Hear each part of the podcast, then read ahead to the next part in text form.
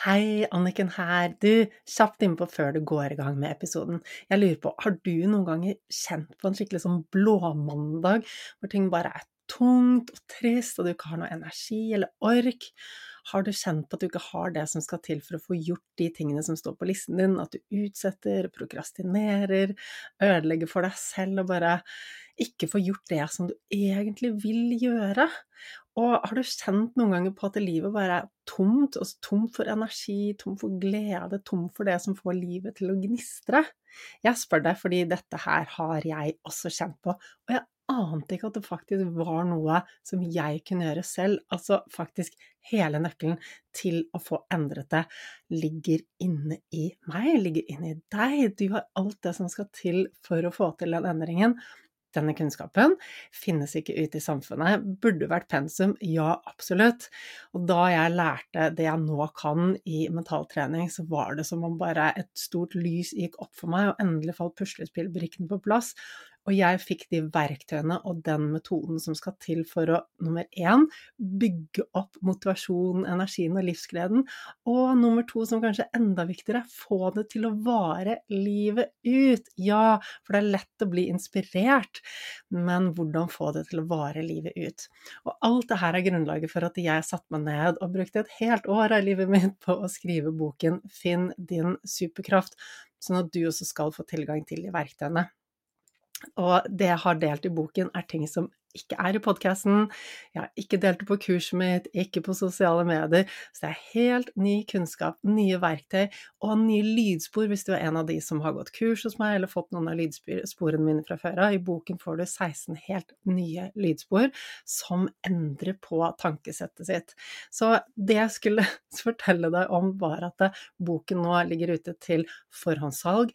Frem til 1. mai så kan du bestille den på forhåndssalg, og da får du den sendt rett hjem til postkassen din med en gang den er på lager. Og det som er ekstra, ekstra fint med at du bestiller dem på forhåndssalget, og det lærte jeg først nå, siden jeg selvpubliserer og kunne jo ingenting om hva, altså hvordan publiserer man en bok, men nå har jeg skjønt at det, å få solgt mange bøker på forhåndssalget gjør at man lettere kommer inn på boklisten, og den er visst veldig magisk, for når man er der, så er det en stor hjelp. Det gjør at boken får spredd seg til enda flere, enda flere får hørt om det. Og denne boken burde vært pensum, burde vært inne på alle skoler. Altså, hvordan hadde verden sett ut hvis alle hadde verktøykassen for å faktisk bygge opp motivasjon, drivkraft, livsglede, og bare ha det bra, få gjort det du vil, og trives med deg selv? Slippe å være passasjer til følelsene dine når følelsene svinger og du bare er tom og skjønner ikke hvorfor. Altså, denne, det er en brukermanual for hjernen som vi alle, alle burde hatt. Så hvis du tenker at øh, jeg kan også ha nytte av noen verktøy som kan holde energien min gående, holde motivasjonen gående, humøret bare rett og slett gjøre at jeg får levd et så mye kulere liv, så ligger det link til boken Finn din superkraft i episodebeskrivelsen. Det er også bare å google Anniken Binds bok, den ligger på Nordli. Og husk på at når du bestiller før 1. mai, så er du faktisk med på å bidra til at enda flere får tak i denne verdifulle kunnskapen. Så det var bare det jeg ville dele med deg. Håper du koser deg med episoden. Det er alltid mulig å ha det bedre og få mer ut av livet. Med riktig kunnskap og gode verktøy så kan du også ta livet ditt til neste nivå. Level Up er podkasten for deg som vil ha mer glede, mer energi, mer overskudd, motivasjon og mening, og rett og slett bare ha et bedre liv.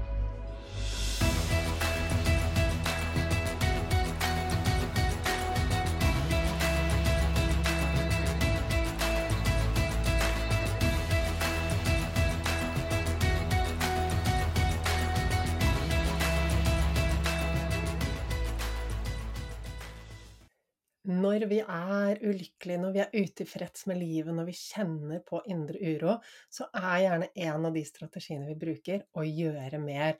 Det kan være å trene mer, jobbe mer, sette oss flere mål, um, endre på kostholdet. Vi ender fort opp med å gjøre mange ytre ting for å prøve å fikse det vi har på innsiden, og så funker det ikke. Hva er egentlig årsaken til at det ikke funker, og hva er det som funker? Og hvorfor lønner det seg ikke å putte ubehagelige følelser i en boks og prøve å skyve den unna? Hva er det som egentlig funker? Og hvordan i huleste har det seg at vi kan bruke mental trening til å endre tankesettet til å gå fra å være syk og utmattet til å bli frisk? Dette er blant temaene som vi svarer på i episoden i dag. Jeg er så heldig å ha med meg en nydelig gjest som akkurat har gått gjennom kurset mitt. Så hun kommer du til å se mer av. Så bare gled deg nå til å lytte til episoden. Hjertelig velkommen til Level Up, Karoline. Så hyggelig å ha deg med. Takk, takk. Takk for at du får være med. Altså, de, de, samtalene jeg elsker mest her på podkasten, er jo de med dere som eh, har vært gjennom kurset mitt, eller som jeg har jobbet med, og som kan dele reisen deres. Jeg syns det er så verdifullt. Så jeg er kjempeglad for at du hadde lyst til å være med. Veldig takknemlig for at jeg får den muligheten til å kunne dele min historie og min opplevelse med kurset ditt. da. Åh, så fantastisk. Det er noe med Altså, jeg kan jo sitte her og fortelle Jeg kan jo snakke hull i hodet på alle de som lytter, og fortelle om alle de lure tingene man kan gjøre, og all den endringen man kan få til. Men det beste er jo å høre det fra dere som eh, går gjennom prosessen selv. Mm. Så gleder meg veldig til vi skal dykke inn i reisen din i dag. Men eh, aller først, har du lyst til å si noen ord om hvem du er, sånn at lytterne kan bli litt kjent med deg? Ja, jeg er Karoline. Jeg er 35 år. Jeg er gift og har ei jente på åtte år. Um, har vært gjennom en helhetlig helsereise i mange, mange år.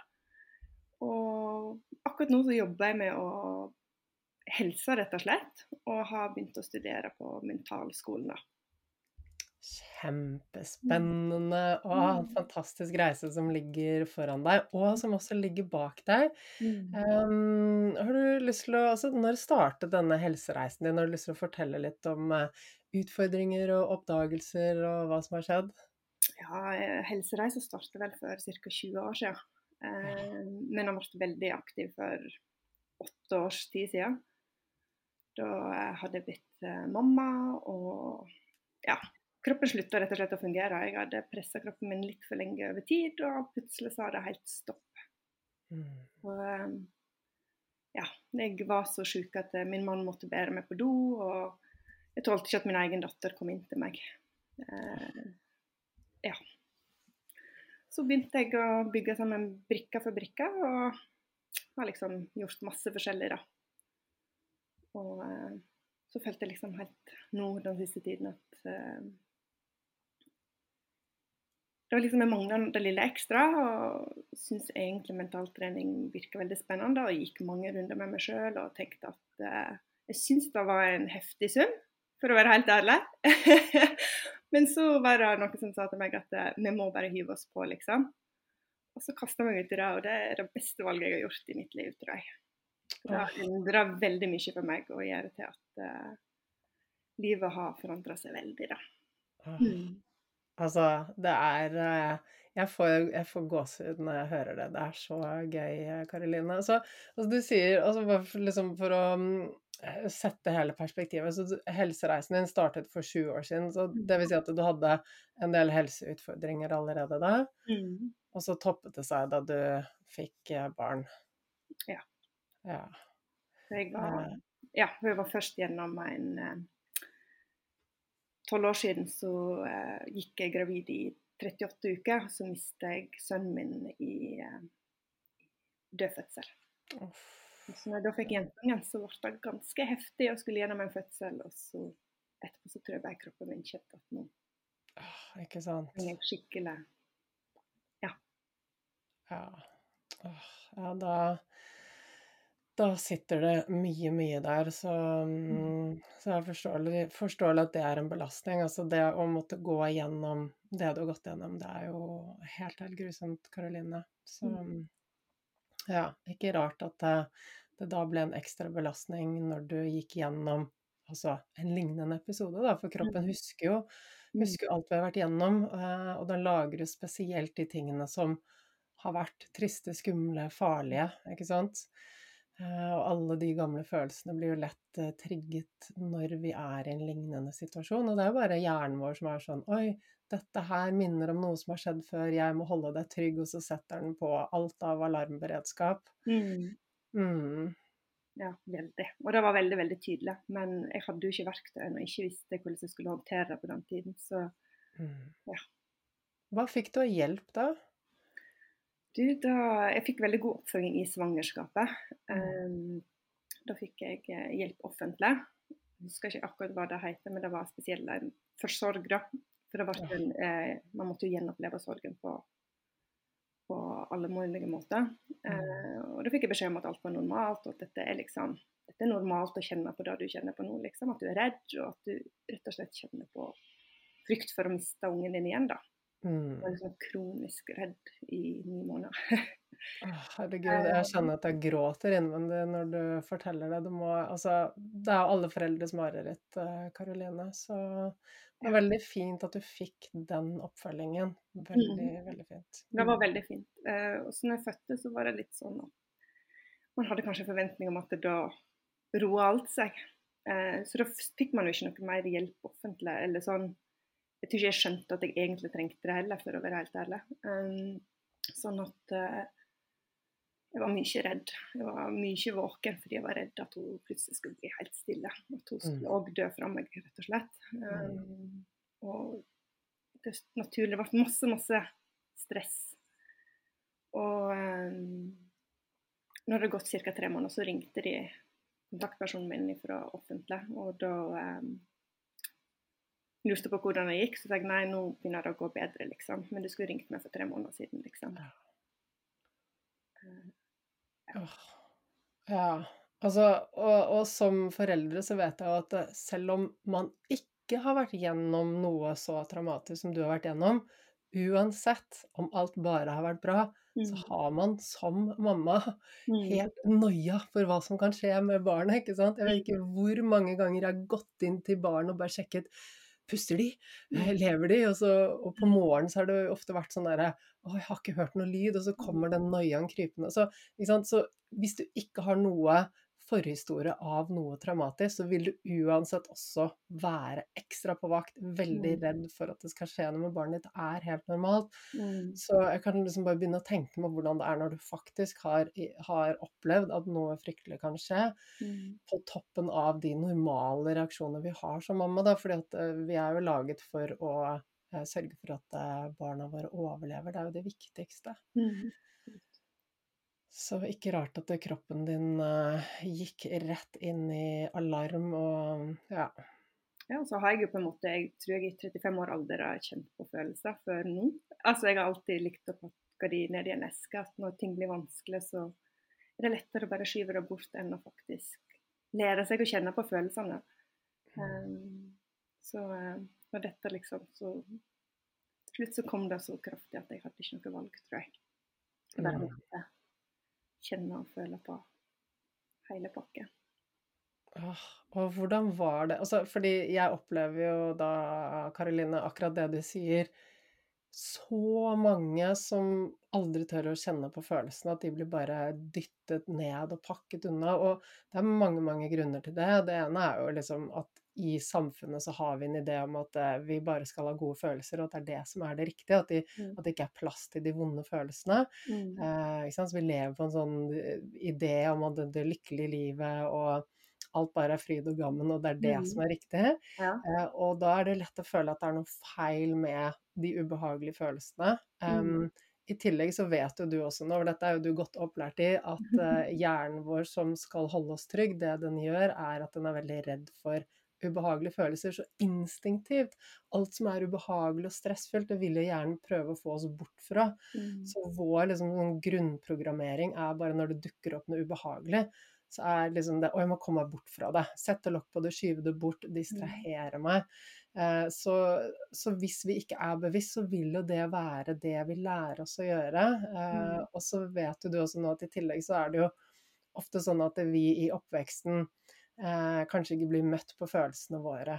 Hvis Mm. foreldrene, hvis vi gråter og er lei oss, og foreldrene våre mener at det der er jo ikke noe å gråte for, så har vi Mm. kanskje fått kommentaren ja, men du, nei, det der er ikke noe å gråte for, bare ta deg sammen. Eh, og jeg har jo da jeg fikk mine barn, så kunne jeg jo ingenting om dette med selvfølelse og hvordan ting påvirker barna, og hvor, Mm.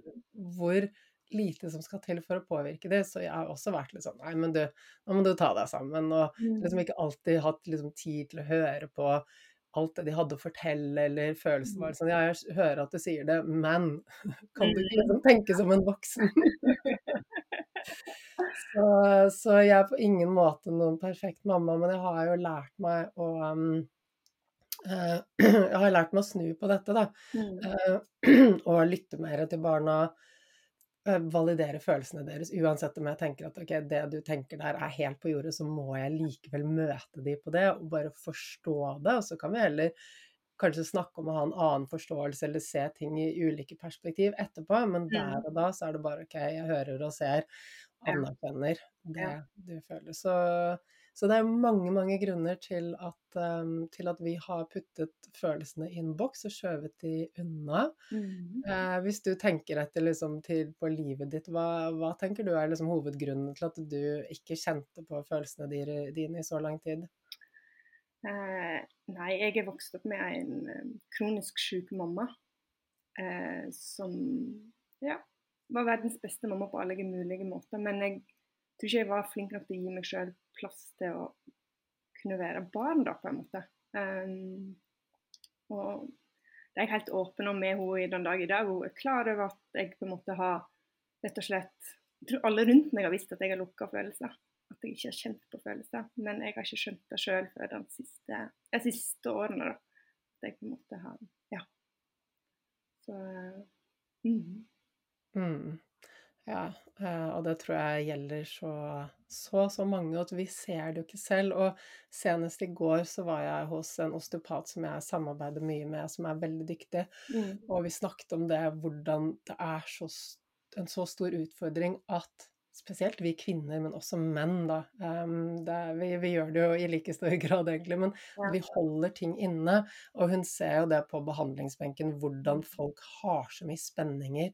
Eh, og det er så mye de holder inne. Som, så, og alt det vi holder inne og trykker ned av følelser, det setter seg jo i kroppen. Mm. Det er et kjempestort problem. Eh? Så, og selv med en Kanskje ikke sant, nå har du hatt en, en ek, ekstra utfordring i din oppvekst med en kronisk syk mor, og det vil jo gjøre mye, gi mye utrygghet og usikkerhet for et barn, uansett om du får kjærlighet og, og moren din Mm. virkelig, virkelig vil alt, så vil det hele tiden være en sånn faktor som sant, Barn de vil alltid prøve å eh, fikse foreldrene, redde tingene, gjøre Mm. alt bra igjen. Og det er fordi at Mm. foreldrene er det som gir barn trygghet.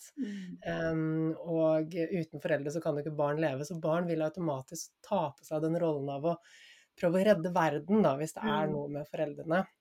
Mm. Eh, og hvis mor er syk, kanskje ikke det er rom for at du kan vise dine behov, ikke sant? Hvis, uh, hvis behovene hennes er sterke. Og det, det er jo ikke noe som uh, Det er ikke snakk om at noen gjør noe for å være vonde mot alle andre, eller sånt, det er, bare, det er sånn det fungerer. Mm. Og ingen har fått opplæring i hvordan barn blir påvirket. Jeg visste jo ikke dette selv heller. Ikke? Så det er først de senere årene jeg bare Oi! Når vi voksne sier og gjør sånne ting, så påvirker det barna sånn. Oi! OK. Um, så, så det er klart at det, det er ingen som har fått en brukermanual i hvordan oppdra barn, eller hvordan behandle de, og hvordan hjernen funker. Mm. Så ja. Nå kan jeg fortelle en episode til. og det er at min, Jeg har en datter på åtte. Eh, hun fikk plutselig veldig sånn eh, Tålte ikke lyd. Altså ble sånn, eh, Det skar veldig i kroppen. Um, og så idet jeg begynte å jobbe med meg sjøl, så forsvant det problemet hos henne. Og det er på en måte altså, det er på en måte litt med at man ubevisst Det ble så tydelig hvordan eh, Det var liksom en sånn helt konkret opplevelse som ble veldig, veldig tydelig, som man ikke er klar over, rett og slett.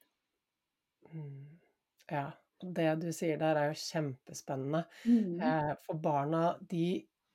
De, de, de lærer alt fra oss. Vi er de største rollemodellene. Mm. De merker energien vår, kroppsspråket. De merker de små nyansene. Så hvis ordene våre sier én ting, men kroppsspråket viser noe annet, så er det kroppsspråket de får med seg. Um, og de lærer jo alt av oss, men så utrolig spennende og så fint at du ser det, og at du så at hun fikk en endring også, da du også fikk til en endring. Mm, ja. Jeg, eh, før jeg tok kurset ditt, så gikk jeg hos noe som heter kraniosakralterapi. Og det var jo litt for å løse opp i ting som Det var i hvert fall veldig kraftfullt hos meg. Og da var det hun som gjorde meg bevisst på at eh, det er ikke noe jeg kan gjøre med din datter, men når du får løst opp i ting som sitter i din kropp, så skal du se at din datter får veldig stor effekt av akkurat det. Da. Og da ble det litt sånn wow.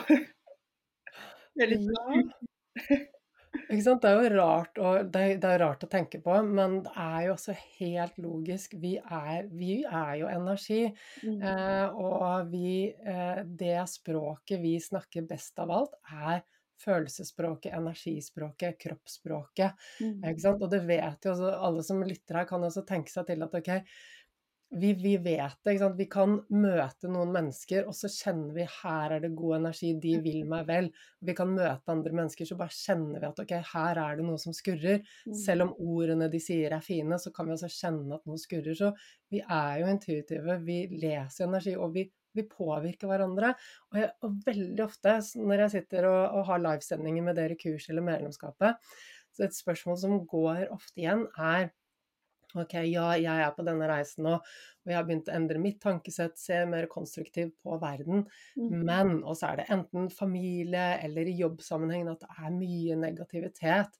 Og senest i går kom dette spørsmålet opp, og bare ja, i liksom pausene på jobben så sitter jeg ofte og snakker med en gjeng andre av kollegaene mine, og samtalen går alltid inn på det negative, og det skaper problemer og fokuserer på problemer. Mm. Og vi vet jo alle at det, det, påvirker oss. Hvis vi er omgitt av mye negativitet, så mm. kjenner vi det, ikke sant? Mm. Så, så, det er jo logisk, men det er kjempe, kjempespennende. Så mm, ja, hvilke, endringer, hvilke flere endringer har du sett hos datteren din nå når du har gjort din reise? Jeg kjenner jo at hun blir mer og mer robust, rett og slett. Altså, på en måte, jeg ser jo at uh, det påvirker at mamma kanskje tør å ta litt mer plass. Mamma tør å vise mer hvem hun er. Um, og dette her med at jeg er blitt mye bedre på og veldig bevisst på dette med å snakke om følelser. Um, og de ler jo mye mer om det på skolen i dag enn jeg lærte på skolen, i hvert fall. Um, så jeg lærer jo veldig mye av henne hver eneste dag. Hun er bevisst på liksom Ja, mamma, du blir sint. Hvorfor blir du det? Altså, det kommer sånne spørsmål som det stilles kritiske spørsmål som jeg setter veldig pris på, da. Som gjør at jeg fortsatt kan utvikle meg. Og så driver man jo liksom med en Jeg ser jo at hun vokser på det, på en måte. Um, hun, mm. ja. Det var så spennende. Og barna Ja, og barna er jo, de er jo de beste lærerne våre, for vi får jo feedback fra de. Mm. Eh, og det å være åpen og ta imot det som noe konstruktivt, det vil jo virkelig hjelpe oss. fordi de er jo mer til stede, og de ser oss i et annet lys enn vi ser oss selv. Så mm. mye verdifull feedback å få der. Ja, veldig. Mm. det er noe jeg har lært mest av, å få barn. For da må man liksom virkelig møte seg sjøl på en måte. På mange måter. på godt og vondt. Noen ganger kan det være deilig å hvile i sine egne vaner eller uvaner, men, eh, men det er klart at eh, vi er en rollemodell, og, og har vi lyst på robuste barn med gode vaner og, mm. og god selvfølelse, så, så, handler det om at vi starter med oss selv først. Og jeg var jo eh, på et foreldremøte på sjette trinnet, da det er tiåringer og elleveåringer, mm. nå for et par dager siden, og da var det snakk om sosiale medier, og det var litt sånn å nei, vi noen av barna hadde Snapchat, andre har det ikke. ok, Skal vi bli enighet om hvordan vi liksom gjør det? Og så var det liksom noe kom opp at det, for mange så var det problemer da, at liksom barna satt med telefonene til langt på natt. De kunne oppleve at det kom meldinger fra andre i klassen liksom rundt midnatt og fem på morgenen. ikke sant? Mm. Så da er jo barnet på rommet alene med en telefon. Mm. Og da var det masse frem og tilbake om hvordan man kan gjøre det her, så, så, så slang jeg bare inn i diskusjonen. Det starter jo med at vi foreldre er gode rollemodeller. Ja, ja, ja. ja. vi kan jo ikke sitte på telefonen hele tiden og så si til barna men du får ikke lov til det. Så, ja, veldig godt poeng. ja. Så de lærer jo oss. Men ja, det var en liten digresjon. Men, men fortell litt mer om, om helsereisen din. Hvor, hvor, startet det, hva er det du har gjort, og, og hvordan brakte det deg frem til, til Meibus-kurset? Um, hvordan starter det? Nei, altså jeg har jo holdt på med liksom, En periode så drev jeg masse med dietter, for jeg tenkte at det da liksom skulle gi meg Det som jeg nå har funnet ut, er den indre roen, da. Um, så jeg prøvde masse forskjellige dietter i ulike varianter, og jeg fant alle mine greier på det. Um, jeg, så drev, jeg drevet en del med usunn trening. Jeg er utdannet personlig trener og ser jo nå at det på en måte Jeg hadde jo ikke tatt de valgene i dag med den kunnskapen jeg sitter på nå. Uh, og var liksom veldig gira på å ha lyst til å prøve bikini-fitness for at liksom men heldigvis så hadde jeg en venninne som bare Nei, stopp! Dette gjør du ikke, dette må ikke du finne på, liksom. Og det er jeg kjempeglad for i dag. Ja. Eh, for det var så ille at jeg satt kanskje på kino De andre satt og spiste godis, og jeg satt med søtpotet og laks fordi at det da var en del av dietten, liksom. Ja. Um, så jeg har liksom prøvd forskjellige ting for å prøve å finne den indre roen. Og utfordringer der jeg ikke har vært så ille at jeg ikke har klart å gå. Um, så har liksom prøvd det meste. Eh, prøvde bl.a. psykomotorisk fysioterapi, der jeg endte opp med å bli dårligere av å begynne å jobbe med det. Så da fant jeg jo liksom uh, Men har valgt mye alternativt, da, for jeg føler at det er der jeg har hatt mulighet til å finne min uh, framgang og bedring. Um, og uh, ja, har brukt litt sånn biopat og litt kraniosakralterapi som på en måte åpner opp veldig mange luker hos meg, som jeg tror ikke jeg hadde vært åpen for uten. da. Mm. Og så var det at jeg tilfeldigvis kom over MyBoost-kurset, og så tenkte jeg dette virker jo spennende. Så tenkte jeg at jeg føler jo god selvtillit, men jeg ser jo nå at det hadde jeg jo ikke. men jeg tror nok at jo mer kunnskap man får, jo mer skjønner man at, eh, mm. at man har mindre, da, eller jeg vet ikke hva. Ja. Mm. Så uh, det var ganske tilfeldig, egentlig. Jeg gikk mange runder på om jeg virkelig skulle prioritere å bruke penger på det, og nå er det liksom Jeg er så glad for at Og så er jeg jo glad for at det koster penger, for at da la jeg inn jobben som ligger i det, på en måte. Ja. Uh, jeg tror ikke jeg hadde lagt inn jobben, uansett hvor bra kurset ditt hadde vært, hvis det var gratis. Nei. Det er faktisk en helt ærlig sak. For jeg har prøvd å ta gratis kurs etterpå, og har liksom endt opp med å slurve litt fordi at men når jeg har brukt penger på det så masse som det vært for meg, da, mm. så la jeg inn all jobben og på en måte hørt på mm. lydfinn og bruker de aktivt i dag. liksom. Senest nå før jeg skulle på, så tok jeg sjøltillit i elleve minutter for å på en måte bare Ja, denne trenger jeg nå, liksom. Ah, så bra. Ja, men det du sier der, Karoline, er eh, det, det, er helt, helt sant, eh, og det er jeg veldig bevisst på når jeg selger kurset. Eh, for jeg vet også selv at de tingene som er gratis, det prioriterer vi ikke, og det mm. verdsetter vi ikke på samme måte. Um, og hvert år så gir jeg bort gratisplasser, og det er mm. veldig sånn Jeg går jo jeg går en lang runde for å uh, Altså vi får inn så masse søknader, og vi går en veldig sånn går i dybden for å luke ut de som virkelig er motivert. Mm. Og så sier vi betingelsene for at du får det gratis, er at du gjør alt, alle oppgavene, mm. alle lydfyllene i kurset. Og hvis du ikke har gjort det i løpet av et år, så skal du betale kursprisen. Ja, lurt. Og det er rett og slett for at folk skal skjønne ok, det her er noe som jeg virkelig trenger å prioritere. Mm. Mm. For det er sånn, får man, får man ting gratis, så er det ikke Det blir ikke like viktig, men har du betalt for noe, så er det sånn ok, men da må jeg i hvert fall få noe ut av det. Mm. Ja, så det er mye psykologi i akkurat det. Ja, det har funket. Det funka. Absolutt. Så ja. Veldig glad for den investeringen. Ja, fortell hva som skjedde. Altså, okay, og du ble nysgjerrig i mentaltrening. Hva var det, hva var det som liksom trakk deg til, eh, til, kurset? Nei, altså Jeg kjente jo liksom at uh, jeg har gjort alt riktig, eller hva man skal si. Jeg følte det sjøl. Og så følte jeg det mangla den lille ekstra. At jeg kjente at fysisk så var kroppen min klar, men jeg hadde sperringer mentalt fordi jeg har vært alvorlig syk og vært ute av funksjon. Så jeg hele tiden tenkte at um, jeg fikk Altså, hjernen min prøvde hele tiden å, å gjøre meg trygg, da. Uh, men så trengte jeg å skape litt nye nervebaner, rett og slett. Fordi at hodet mitt hang tilbake i en syk, syk kropp. Eh, så det var jo derfor jeg eh, valgte det, rett og slett. Fordi jeg kjente at jeg trengte de, det verktøyet for å på en måte Så jeg snakka med andre som er i samme situasjon, som har skrytt veldig over kurset. Som gjorde at det da ble litt sånn Ja, den personen, den, ja, den tenker jeg at da må det være bra, liksom. Ja. Mm. Så det var egentlig litt som det ble til at jeg meldte meg på det. Mm. Så spennende. Eh, men veldig fint at du også kjenner andre som har tatt kurset. Det er jo det beste når vi kan rådføre oss med andre også, som har gått uh, samme reisen. Så men fortell, det var jo så fine meldinger du delte underveis i prosessen, og det var jo derfor jeg hadde lyst til å ha deg inn også. Fortell om reisen din, da, siden du startet, det var vel i mars i fjor? Nei, eller i år, mener jeg. Ja. Mm. Jeg starta jo uh og jeg kjente jo med en gang at dette her var veldig veldig spennende, jeg ble veldig engasjert. Og jeg kjente at dette her ble liksom, det tente et lys inni meg. Um, men så fikk jeg en òg eh, Jeg bruker jo Garmin-klokka, uh, og jeg fikk enormt stress. altså Syklusen ble kjempeustabil, og jeg ble sjokkert. Jeg tenkte gud, dette kan ikke være normalt at man begynner å jobbe med hodet, og så setter kroppen seg i kjempestress. Så ble det litt sånn herregud, så skummelt, liksom. Jeg syns helt ærlig det var litt småskummelt. Ehm, men så eh, Det pågikk en ganske god stund. Og så når det slapp, så var det akkurat som kroppen fant en ro som gjorde at jeg plutselig kunne begynne å trene igjen og begynne å stole på kroppen. Så kjente de ubehagene som jeg hadde kjent tidligere, men nå hadde jeg kunnskap og verktøy som gjorde at jeg kunne på en måte snakke med meg sjøl på en konstruktiv måte og fortelle meg at nå er det trygt. Og da roa systemet seg, og det var nesten det sjukeste av alt.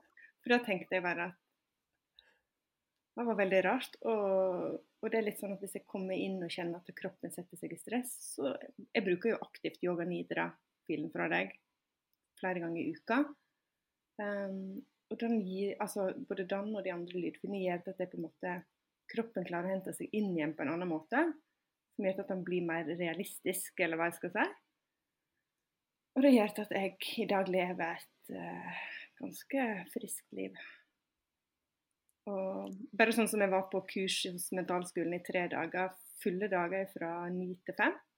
Når jeg kom hjem, så var jeg full i energi og kjente bare at herregud, dette er det jeg er ment for å drive med, liksom. Og det var så deilig. Hadde ikke vært for deg! ja. Så fantastisk. Mm. Og så spennende at du begynte på mentalskolen. Så, mm, men det er jo, sant, som du sier, du, du, startet med Og det er ofte Det skjer jo med mange, da. Kommer inn og bare 'Å, men jeg trodde at det bare skulle være happiness når jeg begynte å gå i gang med de mentale prosessene'. Ja. Det er klart at um, hvis vi har vært uh, sånn som du har vært god på, da, Karoline, å putte alle følelsene i en boks, mm -hmm. så er de jo ikke borte.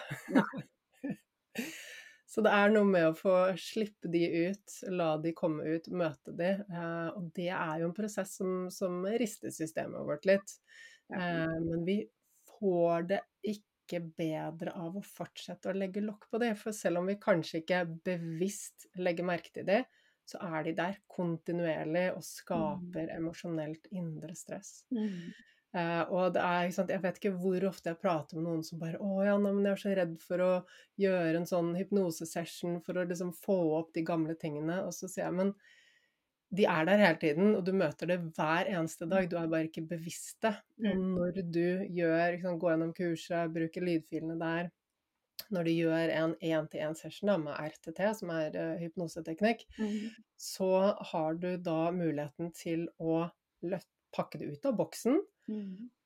Og gi det en annen innpakning, sånn at det, uansett hvilket minne du har da, fra en eller annen gang i livet som påvirker deg negativt, om du kjenner på skam eller skyld eller et eller annet sånt noe, så det vi gjør, er å endre på hvordan det er lagret, hvordan du oppfatter det, hvilken påvirkning du har på det. Mm. Eh, hvilken påvirkning det har på deg. Ikke sant? Så, så jeg ville vært mye mer redd for å ikke gjøre mm. den, eh, den endringen, enn å fortsette å ha det liggende der i boksen. For det er liksom en sånn trykkoker mm. hvor lokket etter hvert bare truer med å poppe opp. Fordi det ligger der, og det ulmer, og det skaper så mye indre stress, og det påvirker humøret vårt hver dag. Mm. Det gjør oss utrygge, det gjør oss ustabile. Som du sa, du hadde indre uro, og du prøvde med dietter og med trening. Vi er vant til å tenke at det, OK, vi må bare gjøre mer. ikke sant? Vi har hørt at det, det er så bra å drikke sitronvann på morgenen, og journaling og meditasjon og yoga og den ene treningsgreia og disse kosttilskuddene og denne dietten. Så vi, som vi gjør og gjør og gjør og gjør for å prøve å komme dit hvor vi har indre ro og føler oss lykkelige og tilfreds. Og så funker det jo ikke. Nei. Absolutt ikke. Og ja. Så jeg tror det var største ha opplevelsen at uh, egentlig den indre roen, og det man egentlig var på jakt etter, var faktisk å finne den indre roen da, som, jeg, som er noe av det mest verdifulle å finne til deg. Mm. Ja. Vi, vi, trenger jo det for å ha et lykkelig liv, for å kunne være tilfreds. Hvis vi, hvis vi ikke har den indre roen, så vil vi hele tiden jakte etter å få den roen, tryggheten eller den gode følelsen, vil vi jakte på utsiden. ikke sant? Og mm. det er klart at hvis vi gjør en treningsøkt, så får vi et lite boost, og vi kan føle oss vel i noen minutter. Mm. og, og, så går det over. Mm, og så må vi jakte på nytt etter den mm. gode følelsen. Alle de strategiene vi bruker i hverdagen, om det er å trene masse, eller om det er å sette oss hårete mål, eller jobb og karriere, eh, dietter, eller om det er overspising for den saks skyld, altså emosjonell spising. Alle de tingene vi driver med i hverdagen for å komme oss bort fra denne indre uroen og prøve å få mer av de gode følelsene, de er mm. veldig kortvarige, og de gir oss en god følelse veldig, veldig kort. Og så er det borte, og så må vi da ut og prøve å finne den igjen. Mm, absolutt. Og det bidrar jo også til enda mer uro, fordi vi aldri er tilfreds, aldri er fornøyd, hele tiden må til det neste for å prøve å få mer av den gode følelsen. Og alt det vi mennesker gjør, hvis vi tenker etter, i livet vårt, så handler det om å ha det bra. Så mm. alle tingene vi gjør, handler om å ha det bra. Mm. Og noen av tingene er det ikke alltid vi skjønner at det handler om å ha det bra, men, men ofte så har vi gamle vaner lagret i oss mm. som, hvor hjernen har lært at ok, når jeg gjør dette, så gir det meg en god følelse. Så jeg, jeg sier ofte at ok, vi, vi, drives jo mot de gode følelsene, og så er det mange som sier ja, nei, men når jeg spiser den potetgullposen, så gir det meg ikke noe god følelse, for jeg kjenner på skyld og skam og alt sånn etterpå. Og det vil jo stemme, men et annet, på et eller annet tidspunkt har underbevisstheten lært at ok, når jeg spiser potetgull, så får jeg en god følelse. Mm. Det er det den drives mot. Så alt det vi gjør av handlinger, det kan vi skjønne på den måten. Vi går mot de gode følelsene. Mm. Bort fra de ubehagelige følelsene. ikke sant? Du hadde alt det som lå inni boksen. Du måtte mm. bort fra det. Hva ga en god følelse? En diett eller trening eller et eller annet sånt. Det ga en god følelse mm. en liten, liten stund, da. Mm. Mm. Absolutt. Så nei, ja. Og så er det noe med at måte etter jeg har gått kurset, så kjenner jeg òg at um, jeg har aldri vært god på å si ifra. Altså på en måte Jeg har vært veldig god på å ta imot Altså alle kunne komme til meg med alt, både positivt og negativt. og så jeg pakka det ned i den berømte boksen min, mens nå så Her om dagen så fikk jeg en helt sånn ubevisst, ikke noe jeg gikk inn i samtalen med, men jeg fikk en samtale der personen var litt sånn irritert. For første gang så bare du trenger faktisk ikke å ringe til meg når du er irritert, når ikke det handler om meg. Og Det er sånne ting som jeg aldri før har sagt. Og etterpå så tenkte jeg gud, jeg har kommet langt. Fordi at jeg plutselig begynte å støtte meg sjøl på en måte som gjør at jeg får den støtten hos meg sjøl. Jeg trenger ikke den hos andre lenger. Og det er jo mye mer kraftfullt og verdifullt å finne alt i seg sjøl. For det er jo der. Mm. Mm. Ja, det er der. Men så frigjørende da, Karoline. Altså, den når du bare kjenner at eh, jeg kan sette mine egne grenser, og jeg kan si ifra, og mm. det er OK. Mm. Eh, det er jo en enorm frigjøring. Og all den energien som vi kanskje før har brukt på å ikke tørre å si ifra, og mm. lure på hva andre tenker, og tenke at jeg burde gjort sånn eller sagt sånn, og all den energien der, den kan vi plutselig bruke på å leve istedenfor. Mm. Og det er mye, mye mer gøy. ja! Herregud, det var så gøy. Men fortell mer, altså fra du startet på kurset. Hvor, hvordan var helsen da? Hvordan, hvordan er liksom balansen? Ja, altså, jeg veldig Jeg liker å si til alle at det, kurset vil ikke fikse alt. Det er ikke noe quick fix. Det er ikke sånn at det, vi har gått gjennom kurset, så er alt fikset. Det mm. er det ikke. Jeg ser heller på kurset som, som startstreken mm. for resten av livet vårt. Det Mm. åpner dører, det gir verktøy, og Mm. utviklingen vil fortsette i lang, lang tid. Likevel så syns jeg det er så, så gøy å høre om de endringene som, som skjer underveis, da. Mm. Nei, altså når jeg startet kurset, så var jeg jo, jeg var jo ganske bra, for jeg har gjort ganske mye annet i tillegg. Eh, så det var på en måte litt den Ikke ikke siste brikka, men ei viktig brikke da, eh, som gjorde at jeg på en måte kunne nyte den bedringen jeg har klart å skape meg. Um, og så eh, var det liksom at når jeg da begynte med å trene mentalt, så begynte òg eh, hodet å henge sammen med den fysiske bedringen jeg hadde fått i kroppen min. Så det var jo egentlig mest da som eh, gjorde at jeg liksom kunne begynne å leve det som tørre å leve. For jeg visste jo at jeg var bedre. Jeg visste at jeg var nesten symptomfri. Men så var det på en måte hodet som helt inn sånn Å, gud, nå er jeg for høyt i puls, liksom. Eller Fordi jeg har brukt puls som en kontroll. Jeg har funnet at uh, for at jeg skulle kunne bli bedre, så kunne ikke jeg leve som en frisk. Jeg måtte ned og leve litt lavere, på en måte. Altså jeg måtte senke kravene til meg sjøl. Slutte å forvente at alt skulle være perfekt, at jeg skulle mestre alt, og at eh, jeg hele tiden skulle gå med en sånn negativ selvsnakk. Jeg måtte på en måte snu så masse der. Og jeg var kommet veldig langt, men jeg føler at kurset var med på å jobbe med det ubevisste som jeg på en måte kanskje ikke var klar over. Mm. Mm. Og um, sant, det er akkurat som du sier. Altså, vi får til mye endring ved å jobbe med det bevisste. Det gjør vi absolutt uh, når vi repeterer det over tid. Men det er veldig tungt å prøve å snu hele danskebåten, da, hvis vi kan Mm. kalle det det, med å Mm. bare liksom pushe oss. Og bare sånn 'Å nei, nå må jeg ikke tenke det. Nå må jeg gjøre det og det', og sånn.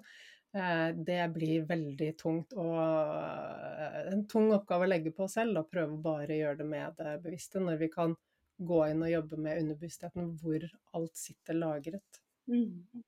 Mm. Og så kjente jeg vel egentlig at eh, at Ja. Nå falt jeg ut. Beklager. Nei, det var mye, mye fine endringer, og det at du hadde helt inn tenkt at du måtte eh, ha lavere puls og ikke utfordre deg så mye, og, og snakke deg selv ned også. Mm. Um, at du fikk hjelp til det med endringene med å programmere den underbevisstheten. Mm. Mm. Det er jo altså så verdifullt.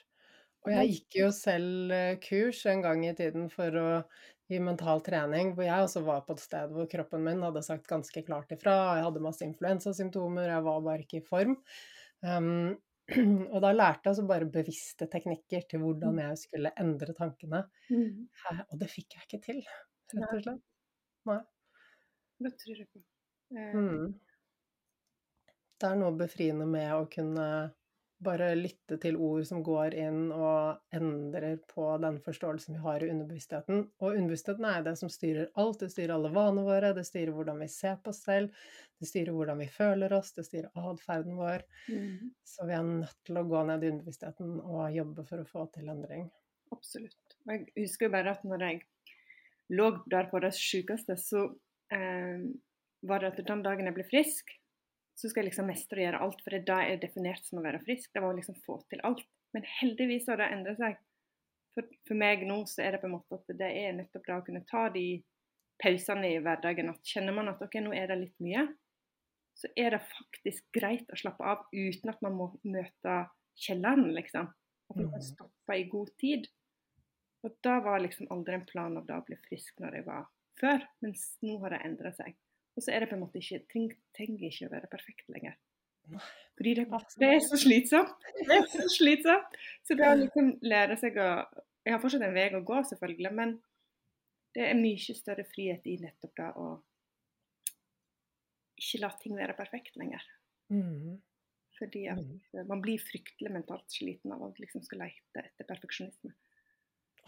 Ja, utrolig, utrolig slitsomt. Det er jo et stort energitap å hele tiden føle at eh, det vi gjør ikke er bra nok, hele tiden dømme oss selv. Det burde vært bedre, hele tiden jobbe for at det skal være bedre, hele tiden lure på hva andre tenker om oss, om vi er bra nok. Altså, for, et, eh, for en bortkastet Mm. bruk av energi. Og så må jeg jo si det at det, vi gjør det jo alle til i en eller annen grad, og det er ikke fordi at vi er dumme og ikke har skjønt noe. Det Mm. er fordi hjernen vil at vi skal være trygg, og det må vi alle vite. Så Mm. dette er prosesser som bare skjer automatisk. Mm. Hjernen vil presse oss til å være mer perfekt, fordi den tenker at da er vi trygge, og da vil andre like oss. Vi vil ha tilhørighet i fellesskapet. Eh, og jeg har jo holdt på sånn selv i årevis. mm. Så det er ingen som er liksom Dette er jo ikke noe vi lærer. Uh, og vi må rett og slett gjennom den lærdommen og gjennom den bygge opp den indre styrken og skjønne at OK, men jeg er trygg likevel. Uh, jeg har den tryggheten på innsiden, og Mm. jeg trenger ikke finne den på utsiden i det å være mer perfekt. mm.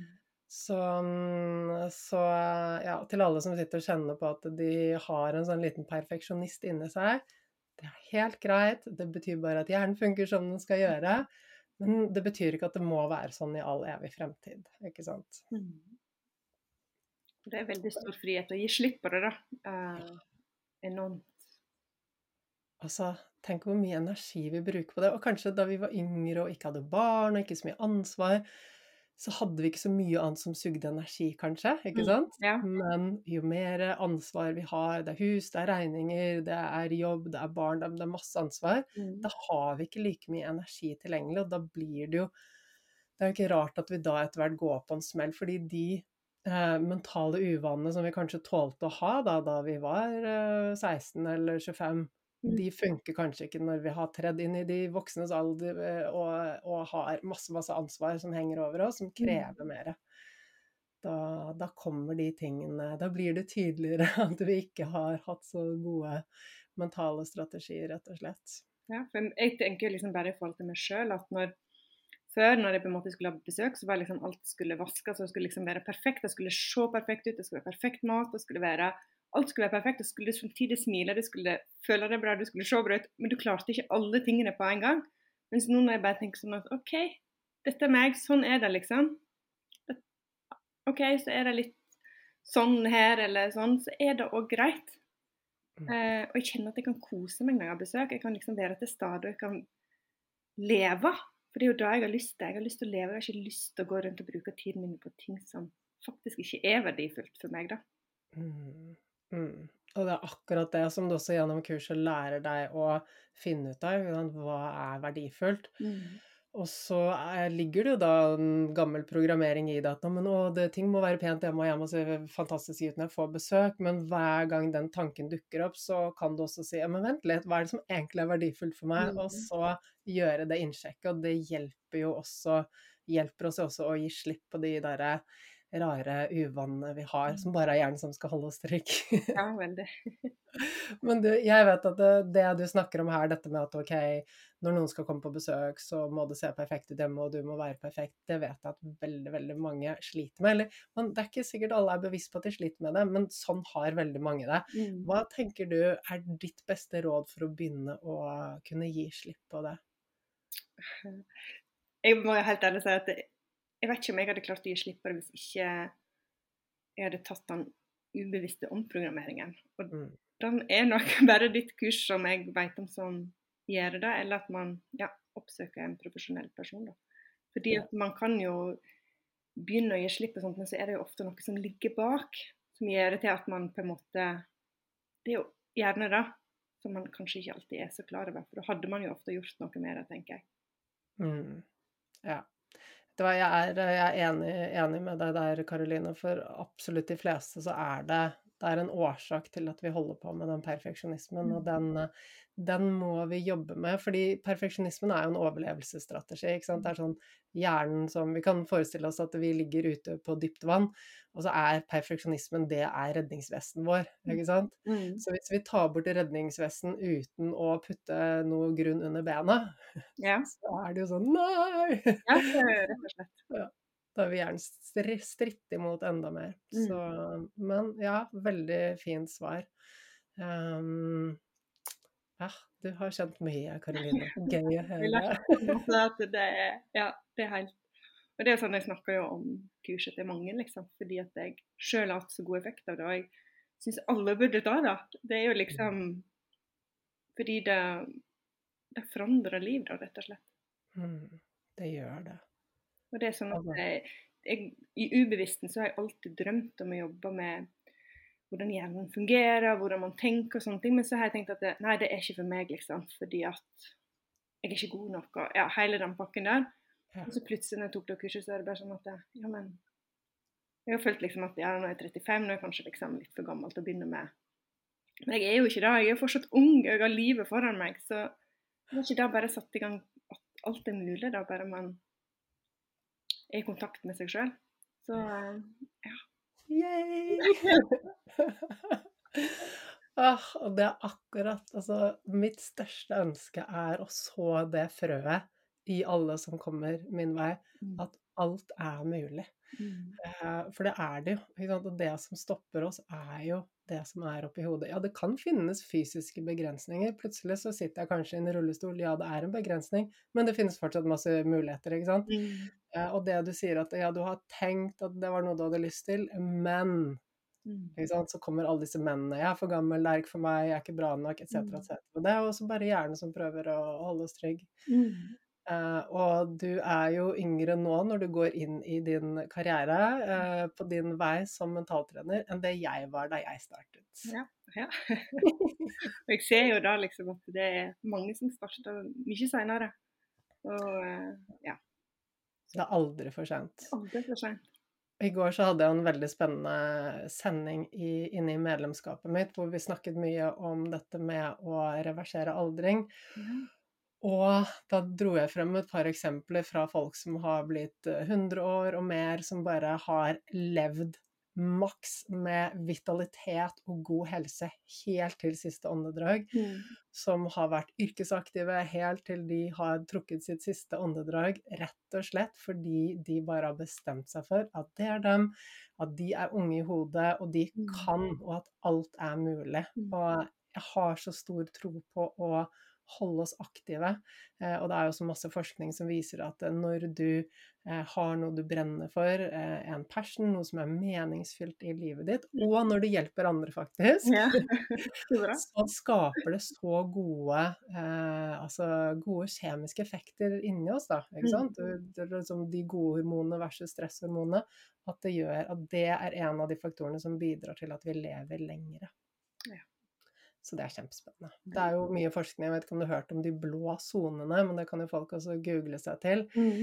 Eh, Det er jo eh, noen steder i verden hvor folk lever eh, lenger enn andre, rundt eh, 100, og det er en av de viktigste tingene. En av de viktige, viktige tingene. Selvfølgelig så er det mye med hvordan de lever og kosthold og sånn, Mm. men det at de alle har en følelse av mening og tilhørighet, at de gjør en forskjell for andre, er en viktig faktor. Mm. Spennende. Så det er spennende. Veldig. Så nå går veien videre da på mentalskolen. Hva, hva skjer etter mentalskolen, og hvordan, hva drømmer du om, Karoline? Nei, det syns jeg er litt skummelt, da. Man er redd for å feile. Hodet er jo liksom skrudd som en sånn. Men eh, nei eh, Jeg vet ikke. Jeg håper jo å kunne Nei, jeg håper ikke, men jeg skal tilbake til arbeidslivet og kunne jobbe med mennesker. Kunne motivere folk til å gjøre en endring i livet sitt, rett og slett. Um, og så kjenner jeg at nå når det går på dansk skolen, så møter jeg jo òg andre. Det er jo flere der som har tatt kurset ditt, og vi sitter jo med samme erfaring, at det liksom har tent et lys i oss. Um, så er jeg jo òg veldig åpen for det som skjer. at Jeg er jo litt den tankegangen at det som er meint for meg, det kommer min vei. Eh, og på veien så vil det dukke opp skuffelser, og det vil dukke opp nye muligheter. Så jeg er liksom litt åpen for det som dukker min, eller kommer min vei. Mm, men eh, målet er nok å kunne jobbe for meg sjøl. Og nå med budskapet der ute, for jeg syns det er så viktig. Ja. Ja. Og da tenker jeg for, ikke sant, det å jobbe for seg selv um, det, Den viktigste tingen for å kunne ha suksess med å jobbe for seg selv, det er ikke om du har de og de verktøyene, eller det og det fancy kamera, eller kontoret, eller eh, Det er ingenting av de tingene. Det viktigste for å ha suksess som gründer er tankesettet ditt, rett og slett. For det er jo som du sier, ja, du kommer til å møte på utfordringer, eh, men likevel så handler det om å se muligheter, og det at det hver eneste utfordring som, går som kommer vår vei, Det er en mulighet for læring. Mm. Eh, og jeg tror at hvis du ikke har gjort den mentale reisen som du nå har gjort, og, og er i gang med, så tror jeg at du kommer til å bruke så mye energi på eh, hver gang noe går feil, så lager du masse negativitet rundt det. Eh, usikkerhet rundt når du skal putte ut budskapet ditt, begynne å hjelpe folk, snakke med folk. Den derre eh, Er jeg bra nok? Eh, hva tenker andre om meg? Så all den energien som vi vil bruke hvis vi ikke har gjort den eh, indre reisen og mentale Mm. opprydningen. Eh, all den energien den får vi tilbake og kan bruke produktivt og kreativt. Ikke sant? Mm. Når vi slipper å gå og gruble og være redde eh, og bruke all den unødige energien. Så jeg tenker at det, som gründer, og jeg har jobbet for meg selv i alle år em, den energien jeg har nå, er jo helt magisk. Mm. eh, Og det handler om at jeg har luket ut alle de store energityvene Ja. som gjør at jeg har overskudd eh, og kan faktisk eh, bruke energien på vekst og på utvikling. Både min egen utvikling og mine kunders utvikling. Og hadde det vært en kamp for min overlevelse og for min business sin overlevelse hver eneste dag, så hadde jeg ikke hatt det overskuddet. Så jeg tror at eh, med nå som du har gått Meibus-kurset, og nå som du er i gang på mentalskolen, så tror jeg at du, eller jeg vet at du har det beste grunnlaget for å lykkes som gründer. Og så er det jo det er klart det er ting man må lære seg, eh, ikke sant? om markedsføring og bygge en business og føre regnskap, og det er mange sånne ting, men det er bare praktiske detaljer, det er ikke det som stopper deg. ja, det er sant. Mm. Mm. Så er det Vi trenger alltid flere med den kunnskapen som du har nå. Mm. Eh, altså behovet er så stort. Og jeg, jeg sier dette ofte. For jeg, før jeg begynte å jobbe som mentaltrener, så hadde jeg ikke en anelse Jeg ante ikke hvor mye indre uro, tankekjør, lav selvfølelse, hvor mye stress folk egentlig hadde på innsiden. For det Mm. syns jo ikke på utsiden i at du beveger deg i samfunnet, folk har kledd seg pent, øh, fikset seg, er ute og er på jobb og liksom har interaksjon med andre. Men det som skjer på innsiden, det hadde ikke den fjerneste anelse. Eh, og etter hvert som jeg liksom dykket mer og mer inn i temaet, skjønt sammenhenger, begynte å jobbe mer og mer med folk, så er det bare sånn «Men Herregud, her er vi en hel generasjon, en hel verden av mennesker som går rundt med masse indre bare åh, ubehag, bortkastet tid og energi, og det kunne vært fikset, og vi kunne brukt all den energien til positiv vekst Mm. istedenfor å gå og, og sitte fast i eget hode. Mm. Så det er et stort behov for deg, Karoline. Ja, ja. Man ser jo det ute, der ute, rett og slett. Ja. Ja. Man, Og enda mer med den reisen du har vært gjennom fra dårlig helse til å begynne å fungere så godt som du gjør nå. mm. Eh? Det at du kan være på samling altså, Jeg vet at de samlingene du har på mentalskolen, de krever masse når vi lærer. Ja. Og vi skal bygge nye eh, nervebaner i hjernen. Det er det mest energikrevende vi gjør. Mm. At du kommer hjem derfra bare fylt av lys og overskudd. Mm. Det er veldig deilig. Veldig, veldig deilig. Jeg, hadde, jeg var redd i forkant, liksom. Mm. Og var litt sånn Å, gud, jeg skal kjøre dit, og jeg skal kjøre hjem igjen, og masse sånne ting. Så tenkte jeg nei, dette går bra, liksom. Og så når jeg da så det at det bare får blått på natten av Garmin-klokka, liksom, du ser liksom det fysisk der, altså ser det der, så kjenner jeg bare at gud, dette er trygt. Jeg får energi av dette her, liksom. Det er sånn som når vi er i kollokvier og sånn, så kommer jeg hjem, så går kroppen min rett i hvile fordi at jeg er, driver med noe som jeg kjenner at det er noe jeg brenner for. da. Som jeg egentlig har brunnet for i altfor mange år, men bare ikke har hatt turt å dykke ned i, rett og slett. Mm. Magisk. Ja. Altså, det er helt fantastisk. Mm. Ah, jeg er så spent på fremtiden din og glad for eh, reisen din og den veien som eh, ligger foran deg. Veldig spennende. Veldig, veldig. Du, sånn eh, avslutningsvis, eh, er det noe du tenker at og dette er viktig at de som lytter, skjønner, får med seg, eller noe du tenker at det, ja, du vil dele? Det blir egentlig litt sånn eh, Ja, fordi at eh, delte jo sjøl en reel om det her om dagen og fikk ganske positiv feedback på den biten. Og det var det at når jeg var på ME-senteret på utredning og fikk diagnosen ME, så møtte jeg en lege. Og den legen han sa til meg at en person med ditt mindset kommer til å bli frisk Fordi du kommer aldri til å gi deg før du er frisk.